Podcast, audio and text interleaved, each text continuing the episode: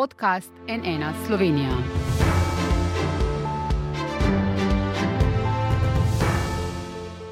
Dobar dan, to je NN studio. Mesečna poročila statističnega urada o cenah življenjskih potrebščin postajajo vse bolj neizprosna. V enem letu so se cene dvignile za 10,4 odstotka in tale graf, ki ga vidite, je zelo zgovoren. Malo prej so se zaključili sestanki na kmetijskem ministrstvu o tem, kako si država predstavlja odkup pšenice od kmetov in kaj naj počnejo z 22 milijoni pomoči, ki jim jih je namenila. Pomembno za potrošnike pa je, da vedo, koliko bodo plačevali za kruh, ker plačevali bomo očitno še več. Direktno s pogovorov s kmetijsko ministrico Ireno Šinko in njeno ekipo prihajata naša današnja gosta v studiu, gospa Tatjana Zagorc, direktorica zbornice živilskih in kmetijskih podjetij. Dobar dan, dobrodošli. Dobar dan. In Roman Žveglič, predsednik kmetijsko-gozdarske zbornice Slovenije. Dobrodošli. Dobar dan. Zdaj eh, moramo pojasniti, da smo večkrat povabili tudi pristojno ministrico Ireno Šinko, a žal časa za gostovanje v tej oddaji žal ni našla. Eh, gospod Žveglič, cel kup vprašanj ste imeli potem, ko je država presenetila in napovedala odkup vse slovenske pšenice. Eh, zato ste, tako kot denimo Zadružna zveza, pa še kdo izvedeli iz medijev. Žetev se je vmes že začela, opozarjali ste, da je to velik logistični zalogaj. Kaj ste danes slišali od ministrice in ali zdaj veste, kaj država sploh načrtuje? Ja, nekaj več vemo. No. Se pravi, nevladne kmetijske organizacije, Zadružna zveza, Zbornica in sindikat kmetov smo seveda pozvali državo, naj, če se ne moremo dogovoriti znotraj verige, da naj pristopi k odkupu slovenske pšenice. Predvsem iz enega enostavnega razloga, kajti cilj nam je bil, da slovenska pšenica ostane v Sloveniji, se zavrti v tem eh, krogu in tako mislimo, da je tudi prav. Res pa je, da, bi, da je za to potrebna seveda tudi eh, prava cena v, v trenutnih razmerah. Zdaj, če danes vemo kaj več, eh, nekaj več vemo. Uh, sreča, bom rekel, je na tem to, da je bil zdaj včeraj dež, da je ustavil um, žetev pšenice. Tako da je zelo par dni časa tudi za logistiko, sveda, ki ga mora pa upraviti um, država, ministrstvo za gospodarstvo, z blagovnimi rezervami. Tako da oni bodo pač dali poziv, razpis morajo narediti, Zdaj, kako bodo se pa sami zorganizirali, da bodo lahko prevzeli to ali bodo za to pooblastili koga drugega ali najeli, to pa ne vemo. To pa ta, ti sestanki pa še trajajo in tam zraven tudi mi nismo povabljeni. Uh mhm. -huh. Gospa Zagorc, kaj ta državni odkup zdaj pomeni za tiste, ki bi sicer odkupovali od kmetov? Uh, ste zadovoljni vi s tem, kar ste slišali? Ne, jaz mislim, da imamo še vedno veliko vprašanj, na, na katere nima, nimajo pristojni še odgovorov. Jaz mislim, da so najprej skočili, pa želijo zdaj reči hop. Če malo okarakteriziram situacijo, v kateri smo se znašli. Dejstvo je, da uh, celotna žitno-predelovalna industrija, se pravi, v to se štejejo uh, mlinari, uh, proizvajalci krmil in pa tudi peki, je seveda tudi odvisna od tega, kaj bo dobila na domačem trgu. Oziroma, neodvisna, želijo pač kupiti največ, kar je ponujeno, in mislim, da se je to vsako leto do zdaj zgodilo. Uh, Eh, tako da, ja, nekaj pšenice je pa dejansko odhajalo preko meja, uh, preko raznih uh, posrednikov ali pa direktno iz Nive. In jaz mislim, da se je vlada predvsem želela, da bi to pšenico obdržali doma. Vendar je pa z izjavo, da bo odkupila vso pšenico od slovenskih kmetov, zmedla celotno verigo. Uh, vemo, kaj se zgodi, če nekdo tvitne ali pa izgovori kakšno pomembno zadevo, ki se veže na trg. Tukaj se je to zgodilo. Uh, mislim, da od petka naprej uh, je kar, um, bom rekla, kaosu podobno stanje, kar se tiče odkupa ali pa vprašanja o cenah. Tako da uh, dejansko smo v, v težki uh, uh, situaciji. Uh, če pa grem na začetek, v bistvu, kaj pa je sploh namen tega odkupa? Kaj je namen tega odkupa?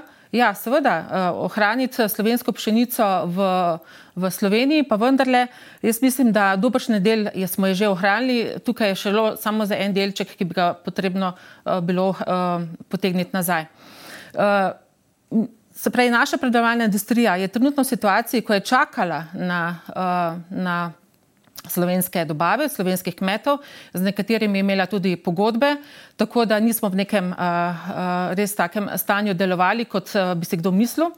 In dejansko se je s to najavo uh, preskočila celotna veriga, ki pa skrbi, da potrošnik, ko prije v trgovino, uh, ima kruh. Uh, tako da um, si ne predstavljam, kaj so želeli za tem narediti. Dejstvo pa je, da, da smo resnično pod večjimi vprašanji kot odgovori. Zdaj, ta napoved je tudi dvignila odkupne cene. Odkupne cene so više, kot so v okoliških državah. Ne vem, če bodo naši mlinari to sposobni preživeti, prenesti v cene. Tudi peki, ali bodo kupovali moko iz tako drage pšenice. Eh, tako da je eh, dejansko uh, po prvih predvidevanjih, seveda ne poznamo podrobnosti, kaj vse so mislili narediti in kako so mislili narediti, praktično pritisk na više cene še se ojačal. Ob tem smo vse čas podarjali, da to niso ukrepi tako, da bi z macolo popravljal verižico, ampak dejansko želimo, da tisti ljudje, ki so na skrajnem socialnem robu, da se jim pomaga na drugačne načine, z drugačnimi transferji, ne pa z takimi, mislim, iz, satelitskimi iz vrha na vzdolj. Torej, če prav razumem, neke vrste enkratnih pomoči za tiste najbolj ogrožene, ne pa s, pač s takimi posegi direktno na trg. Ja, morate vedeti, da je pšenica borzno blago in ko sem prej rekla, da vsaka izjava vpliva na trg, dejansko to se je zgodilo. Trg je odreagiral in uh, in dejansko uh, celo dvignil cene v uh, višave. Ampak v kakšnih cenah ne, se zdaj pogovarjamo? Izjava enega, bom rekel, slovenca, pa če tudi je ta predsednik vlade na borzo ali pa na borzne cene pšenice v svetovnem merilu, seveda. Nisem o tem govorila. Nima ja. nekega, nekega vpliva. No? Ja, tako sem jaz razumel. Ima vpliv na slovenski trg. Ja, ampak gledajte, cene Sloven na slovenskem, odkupne cene na slovenskem trgu so primerljive z sosednjimi državami, uh, za kvaliteto plus minus, nekje, nekje v sosedščini so večje, uh, domačem ponovadi v drugih državah, uh, sploh uh, v teh zahodnih državah, domači odkupovalci, domačem kmetu raj dajo nekaj več, kajti se zavedajo pomena tega, da se ohranja kmetijska proizvodnja, da obstanejo ti hektarji s pridelavo. In uh, naš cilj, seveda, v Sloveniji mora biti, če imamo zdaj teh 28 tisoč hektarjev posijanih s krušnimi žiti, žiti, mora biti cilj, da imamo seveda teh več, tam uh, 35 tisoč, kaj bi bilo zopet pozitivno, ne samo, ne samo za mlinsko predelovalno, tudi za te tako imenovane krmila. Tako da iz tujine, se pravi, po nekih nižjih cenah, jih tu, seveda tudi ne bodo dobili, kaj ti treba plačati, strošek odkupa, logistiko, pripeljano. Zato jaz mislim, da je uh, kar precej hude krvi ravno na ta način, kaj ti zdaj, jaz bom tako rekel, če se že moraš s kom okoriščati, sedaj z daljnim, da si lahko z bližnjim pomagaš. V slovenski zgodbi je bilo pa vedno tako, da smo stiskali za vrat domačega kmeta, pa da smo lahko potem v tujini dali kakšen evro več za kakšno stvar, kar pa ni prav. No, to je na splošno rečeno, lahko bi eh, kar dolgo razpravljali o tem. Uh. Da, zagotovo bodo še uh, priložnosti, ampak o kakšnih cenah se zdaj mi tukaj pogovarjamo, gospod Žveglič? Uh, neka ideja je bila, oziroma pozivi okoli 400 evrov. Za najboljšo to. kvaliteto. Ja. Uh, ta cena se je temu približala. Ne? Za enkrat tisto, kar ponujajo uh, določeni odkupovalci, tudi ne, maj, tudi ne tako majhni. Uh, za to najboljšo, ta bi bila povprečje, nekje potem, se pravi, to je tako imenovana A1, ta pšenica, ki si rečemo, da je to iz, iz poboljševanka, z katere same se ne um, peče kruha, uh -huh. ampak je to potem mešanica, ne? kaj ti sveda ne more biti samo dobre kvalitete, te ta boljše kvalitete je nekje okoli 10%, vse ostale cene so seveda nižje. Ne? Eh, razlika pa seveda moramo vedeti, da med krmno pšenico ne, ali pa tisto, ki pravimo, da imamo za krmilo živali, predvsem tukaj v prirodnini in prašičereju, in ta najboljšo izboljševanko, ne, seveda po sami strukturi ne more biti 20 ali 30 evrov po toni. Ne. Eh, ta razlika mora biti večja, kajti v to ta boljšo pšenico je bilo vloženega veliko, veliko več, zato da je ona dosegla takšen procent beljakovin in te kvalitete. Ne. Ampak kaj pa če recimo bomo morda špekulirali, ampak če država zdaj odkupi za eno ceno, v nadaljevanju pa pač trendi, svetovni trgi so, bom rekel, kar uh, ne grejo gor in dol v, v, v tem obdobju, če gre cena občutno navzdol, a pa občutno navzgor.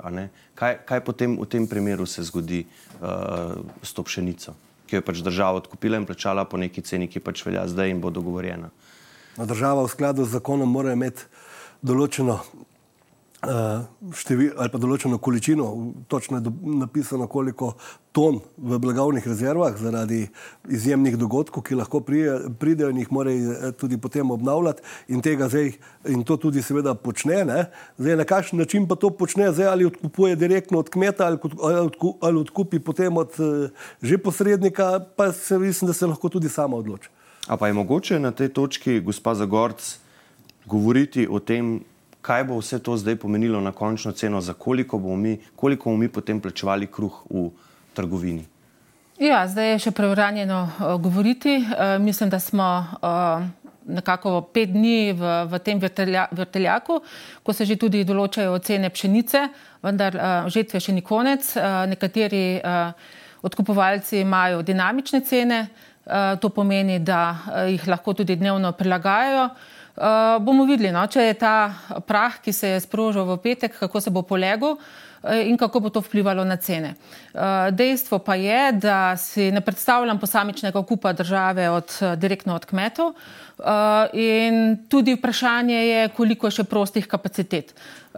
In glede na to, da smo na evropskem trgu, smo se tudi sprašvali o tem, verjetno ni dovoljeno, da eksplicitno v javnem naročilu uh, Eh, državne rezerve navedajo, da bojo kupovali samo slovensko pšenico, ampak to so vsa vprašanja, na katera nismo dobili odgovorov in eh, dejansko, ampak glede na to, da smo si, v tej verigi, se pa... Tatjana, se pa, ja. če dovolite. No. A ja. si znate predstavljati, da bo francoska država odkupovala pšenico od nemških kmetov? Ne, to se naredi z drugačnimi, z drugačnimi mehanizmi. Ne, tukaj, tukaj se strinjam uh, z gospodom Žvegličem, uh, dejansko države skrbijo za svoje verige, pa vendarle na drugačen način. Uh, tako, uh, Tudi zdaj država ne bo odkupovala od Romana Žvegliča kot kmeta, ne? ampak seveda se, mi kmetje imamo seveda zadruge, ki so seveda naše organizacije. In tudi, bom rekel, so tisto umestni člen med, med odkupom. Ja, igrajo pomembno vlogo, kar nekaj jih je. Malo je bilo prej že v bistvu omenjeno, ne? ampak gospod Žveglič, kaj pa tisti kmetje, ki so se že začeli dogovarjati ali pa imajo že dogovor, pogodbo, že so že dogovorjeni za odkup, pa se je zdaj umešala država. Kaj naj storijo? Ma ne, gledajte, v končni fazi kmetje so začeli prejšnji teden žet, so tudi vozili uh, pšenice, na, pšenice na te odkupne mesta, kaj ti seveda ne moš imeti na mm. prikolic, pa čakati, mm. kdaj boš to sprazno. Uh, nekaj je bilo odpeljanega na zaupanje, nekaj je bilo odpeljano na to, da pač na dogovor, ki bo, ki bo kasneje, ne? vendar moram še enkrat povedati. No? Mi delamo se pravi to ogromno uh, famo okoli cene pšenice in kaj to pomeni v strukturi cene kruha. Jaz sem enkrat enega predvsej velikega slovenskega odkupovalca pšenice, mlinarja in tudi peka vprašal, kakšna bi bila cena kruha, če bi mu kmetje podarili pšenico. Pa je rekel, da je tam tam. Uh mhm. -huh. No ja, to so zdaj pač zgodbe, ki, ki jih pripovedujemo, pa vendarle je treba povedati, da uh, dejansko uh, v proizvodni, tako kot v pridelavi, kar razumemo, uh, tudi v predelavi so se cene uh, povečale, marsičesa. Se pravi, na kar smo upozarjali že celo preteklo leto, uh, dejansko je pa k vsem podražitvam materialom, uh, storitev, transporta, seveda so še prispevale nekoliko. Uh, plače, ki se usklajujejo na letni ravni, in seveda uh, tudi energija. Ne? Uh, ker so uh, naši proizvodni obrati izredno uh, energetsko zahtevni uh, in se je energija povečala tudi tam nekje do šestkrat. En od članov mi je tudi poročal, da uh, kaj zdaj, ker se je dvignilo še več. Tako da dejansko govorimo o šestkratnikih eh, dviga energentov in to je tisto, kar je zaskrbljujoče. Jaz mislim, da bi pri teh ukrepih moralo, morali pogledati, kako bomo pripeljali hrano do potrošnika, se pravi eh, v, v tej verigi, da bo dostopna in da je bo dovolj. Naša razmišljanja bi morala biti usmerjena v to, ne pa v parcialne tržne korekcije. Ja, ja absolutno se strinjam. Ne? Ampak seveda zdaj. Uh, povedati, tudi če je pšenica 400 evrov tona, ne, uh, pa vemo, koliko potem je še strošek mletja, ajde, je nekaj več, ne, in potem uh, koliko je strošek pšenice v ceni kruha, zagotovo bo večji. Kot je bil včasih, ko je bil samo 5%, lahko bo malenkost večji, ne? ampak še vedno ne? v ceni kruha na polici je pšenica najmanjši strošek in davek na dodano vrednost pri kilogramu kruha, ki ga država od prodanega tega kilograma kruha dobi, je že tam 15 let, ali pa od uvedbe davka na dodano vrednost, se pravi dobrih 20 let, večji, kot pa je strošek pšenice, samo pšenice govorim, v kilogramu kruha. In tudi to je treba potrošniku jasno in glasno povedati. Ja, seveda. Uh, ampak to so To so delikatne zadeve, ne, ki jih je težko tako ad hoc razlagati. Uh, tudi uh, mogoče še ena zanimivost. Ne, mi smo se vse čas uh, v preteklosti naslanjali na izračun uh, proizvodne cene. Uh, Našega kmetijskega inštituta Slovenije uh, in nekako borzna dogajanja. To so bila dva parametra, po katerih so se določale izhodišne cene. Eh, letošnjem letu je ta cena izračunana na 245 evrov, kar je uh, dobrih 65 evrov več kot v preteklih letih. Uh, in so vsi ti transferji uh, in dvigi, ki so se zgodili tudi v primarni verigi, upoštevani. Seveda, in trg je pa tokrat uh, res na, uh, skočil više kot je to, tako da tu nekje bi se morali iskati. Ja, ja. Uh, Ampak, gledajte, to vas zdaj skrbi. Ne? Prvič se je zgodilo, da je um, cena izračunana po, ali pa bom rekel, nekje smo bili včasih tam, tam, ne? ali pa da imamo zdaj, se pravi, lastne stroške izračunane nižje, kot je tržna cena, ne? ko so bili pa višji, ne? pa je bil tržna cena, odkupna cena nižja, takrat pa odkupovalce ni to popolnoma nič skrbelo. Kaj pa teh 22 milijonov, ki jih je država, kmetijsko ministrstvo napovedalo kot pomoč kmetom. Zdaj polovica od tega, še več kot polovica, a ne bi odpadla na repromaterial, torej gnojila in tako naprej. Ampak zdaj vi veste, oziroma ali kmetje vedo, kaj bodo zdaj lahko počeli s temi 22 milijoni, pri čem jim bo to pomagalo, ste vsaj glede tega morda dobili kakšne odgovore na ministrstvu. Gospod Žveglič. Ja, okay, hvala. Ja, Uredbe še niso pripravljene, ne? to je zdaj bilo usmeritve vlade, razen uredbe o pomoči za mleko, ki je, ima malce daljšo brado, eh, še prav iz eh, pomoči Evropske komisije. Takrat, ko je Slovenija dobila tistih 1,7 eh, milijonov, je bil pripadal razrez, vsaka država je lahko dala na to 20, se pravi dvakratnik in tudi vse države so to počele, pač Slovenija tako mehna, da je tako malo tega denarja bilo je takrat razrezanega, ta zadeva gre v mleko, ta stvar je zdaj že sprijeta. Uh, to stvar smo nekje uskladili, da gre mlečnemu sektorju, kajti mlečni sektor v preteklosti, tudi v COVID ukrepih in tako naprej, uh, ni bil deležen nobene pomoči, vse bi bilo potrebno še tudi katerem drugem uh, sektorju. Zdaj, za ostale zadeve so pa seveda samo okvirni razrezi in je treba še določene stvari Eh, razdelati. Mi bi si seveda tudi sicer želeli uh, ukrepe bolj sistematične, bolj ciljno usmerjene, vendar za veliko tega je potrebno spremeniti zakonodajo. In jaz upam, da se bomo tudi to zakonodajo na teh področjih začeli spremenjati. Zdaj upam, da bo tudi vlada in državni zbor začel normalno delovati. V, in sprejema take zakonodaje, ki bodo koristi eh, slovencem in državljanom Slovenije, malo manj, bom rekel, tega potegni ali pa drži, ne, kot malo v šali povem. Eh, zdaj, kaj bojo pa kmetje, seveda moramo povedati, da tukaj neke cifre ne bodo. Potem, kar nam je bilo danes predstavljeno za pomoč pri dragih energentih, se pravi samo za dva meseca na tej ravni, to pomeni 6,6 evrov po hektarju. Se pravi, kmetija, ki obdeluje omejeno, smo seveda tam z tistimi 200 litri na hektar kmetijskih površin in 400 litrov na trajne Eh, površine. Se pravi, kmetija, ki ima 10 hektarjev kmetijskih površin, bo upravičena do 66 evrov in tudi to je prav, da eh, po tem predlogu, ki je zdaj dano, in tudi to je prav, da seveda povemo, ne, da to ni nekaj. Potem je pa se prav še drugi razrez bil danes nam predstavljen, katerega seveda moramo še usklajevati, pa okolj pomoči za nakup dra, dražjega repromaterijala, semena, mineralnih gnojil, s tem, da si bi seveda želeli, da si v jesen kvalitetno pripravi zemlja, da se posejejo žita, da se kvalitetno obdelajo, kajti če bomo seveda na tej ravni, bom rekel, vrčevali, pa ne bomo šli v kvalitetno seme, potem tudi ne bomo mogli kvalitetno žetne. Ampak tukaj pa imamo težave. Eh, ta denar je zdaj to tam v tistih nekaj deset evrov po hektarjih ki se sicer na ravni, na, na, sliši tam, da bo to vem, 15 milijonov, je pa to za hektar bilo danes predstavljeno ornih površin, koliko 64 evrov.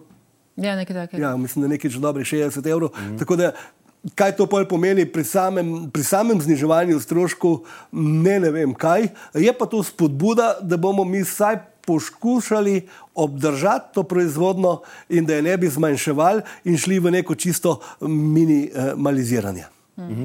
Kako vi to razumete, eh, gospa Zagor? Zdaj mi smo govorili strokovnjaki iz tega področja, žal niso mogli sodelovati v naši vdaji, pa vendar tudi sami ne vedo, kaj bodo ti vladni prehranski ukrepi, če jim tako rečemo, povzročili. Neizkušen, vsaj z državnim odkupom, v bistvu eh, nimamo, tudi druge jih prav veliko ni, v Švici so se šli.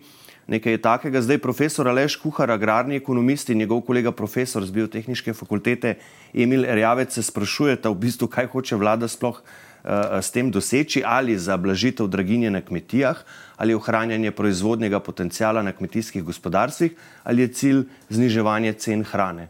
Vaše razmišljanje po teh pogovorih, ki ste jih imeli, je bolj jasno, kaj je v resnici uh, uh, namen. Ne, mislim, da, da še ta vprašanja so relevantna in uh, jih ni za reševati ne čez noč, ne čez vikend. Dejstvo je, da uh, mi se želimo ohranjati uh, proizvodni potencial in zato je ta prva pomoč uh, dobrodošla. Uh -huh. Se pravi, da se oblažijo res ti le visoki cenovni skoki, ki jih doživljajo tudi primarni pridelovalci. Pa vendarle ne, potem pa kot industrija pa vseeno računamo, da se da se pač bo to upoštevalo pri prodajni ceni surovin. Zdaj, mogoče še prezgodaj govoriti o tem, kakšen učinek bi, umelo, bi uh, ti transferji imeli. Dejstvo pa je, da tudi mi bomo morali ponuditi uh, potrošniku uh, hrano oziroma živila, izdelke po spremljivih uh, cenah.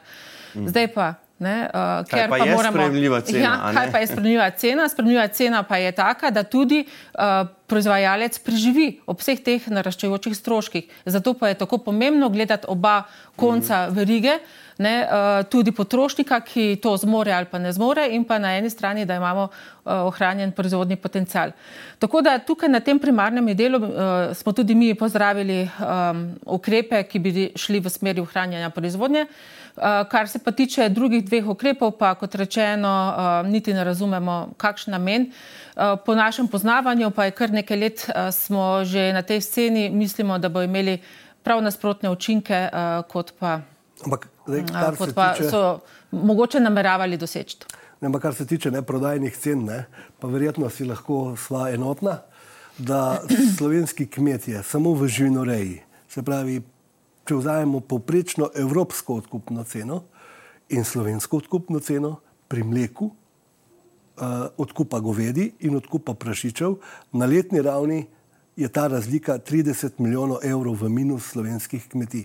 Se pravi, da slovenski kmetje na tem področju uh, pomagamo uh, in živilski industriji, ne na zadnje trgovini in tudi potrošniku z relativno uh, nizko surovino, ki jo dobavljamo, ki jo dobavljamo našim dobaviteljem. 30 milijonov je to na letni ravni izračun, pa če pogledamo ne, veste, na uh, desetletju, se pa ta razlika še povečuje in uh, potem to pomeni, da je to bil denar, ki bi ga lahko slovenske kmetije vložile v razvoj naših kmetij, v povečanje kapacitet, v povečanje zmogljivosti, ne na zadnje v precizno teh, eh, tehnologijo, prilagajanje eh, podnebnim spremembam, v nizki oglični vtis. Vsega tega seveda ne moremo početi, ker, taga, ker nam ta denar zmanjka.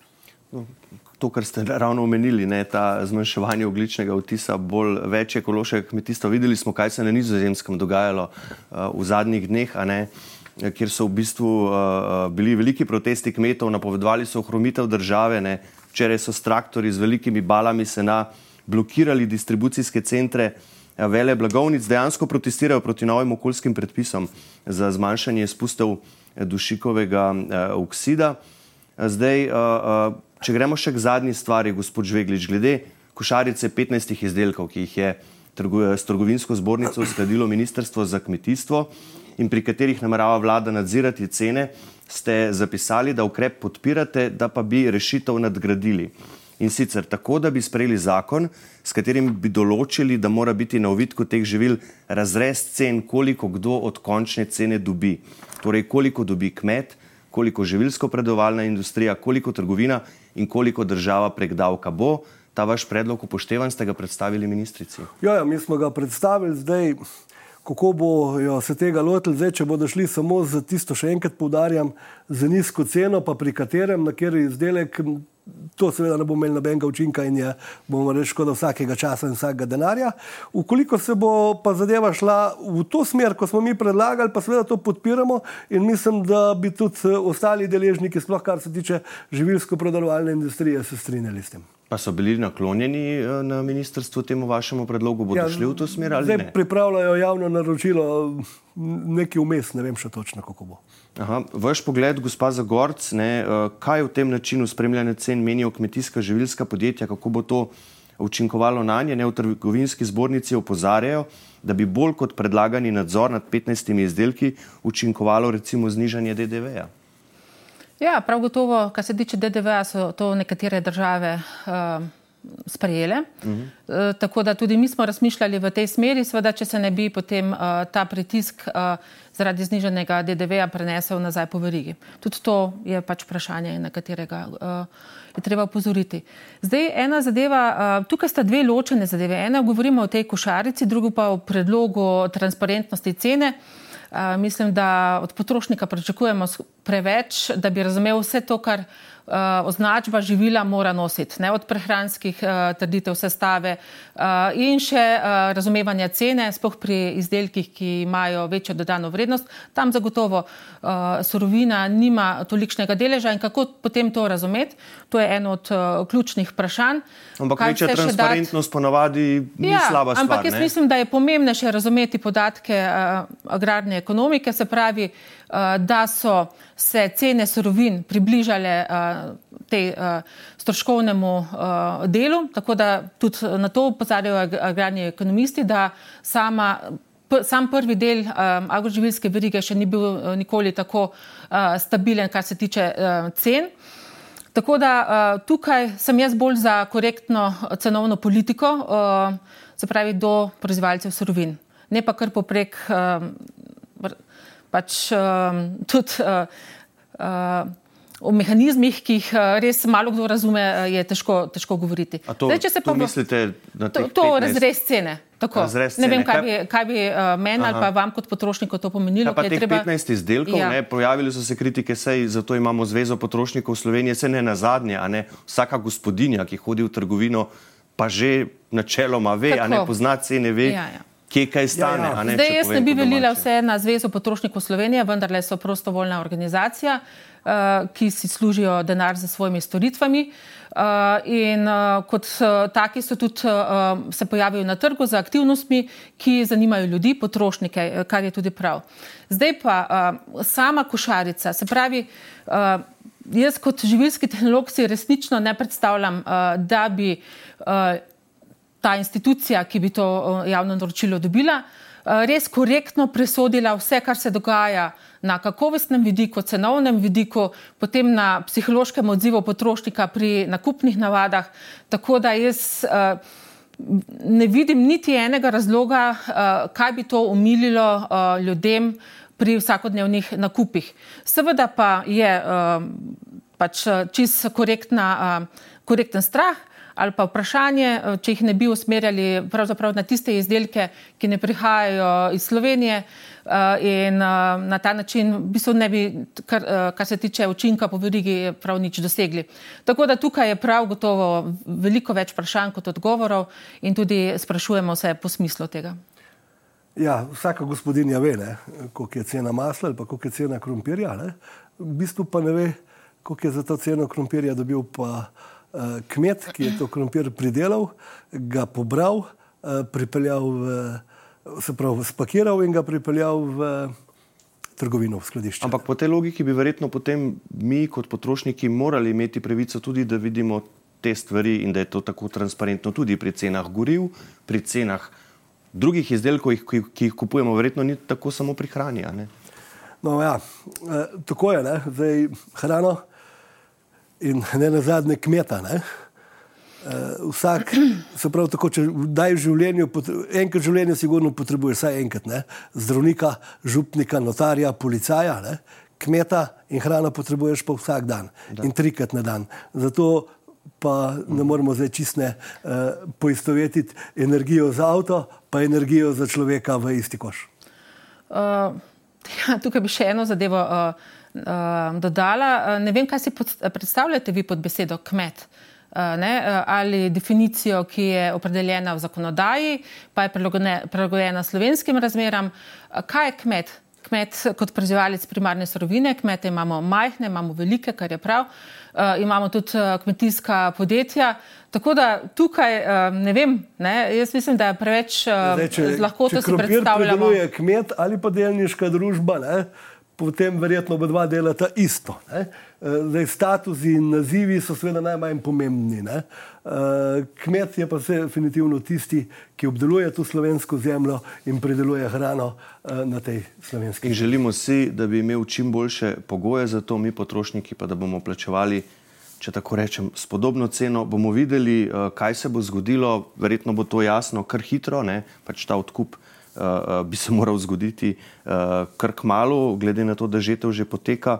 Uh, bomo seveda z zanimanjem spremljali, seveda bi z veseljem postavili kakšno vprašanje tudi ministrici, če bi prišla v studio. Hvala lepa pa vama, gospa Zagorc, gospod Žvegliš, da sta prišla in se pogovarjala. Hvala. Hvala za povabilo. Hvala. Hvala pa tudi vam za vašo pozornost. Vse podrobnosti o cenah žit, o tem, kako poteka odkup, seveda najdete oziroma boste našli v prihodnjih dneh na nnainfo.si. Studija pa le še lepo zdrav in nasvidenje.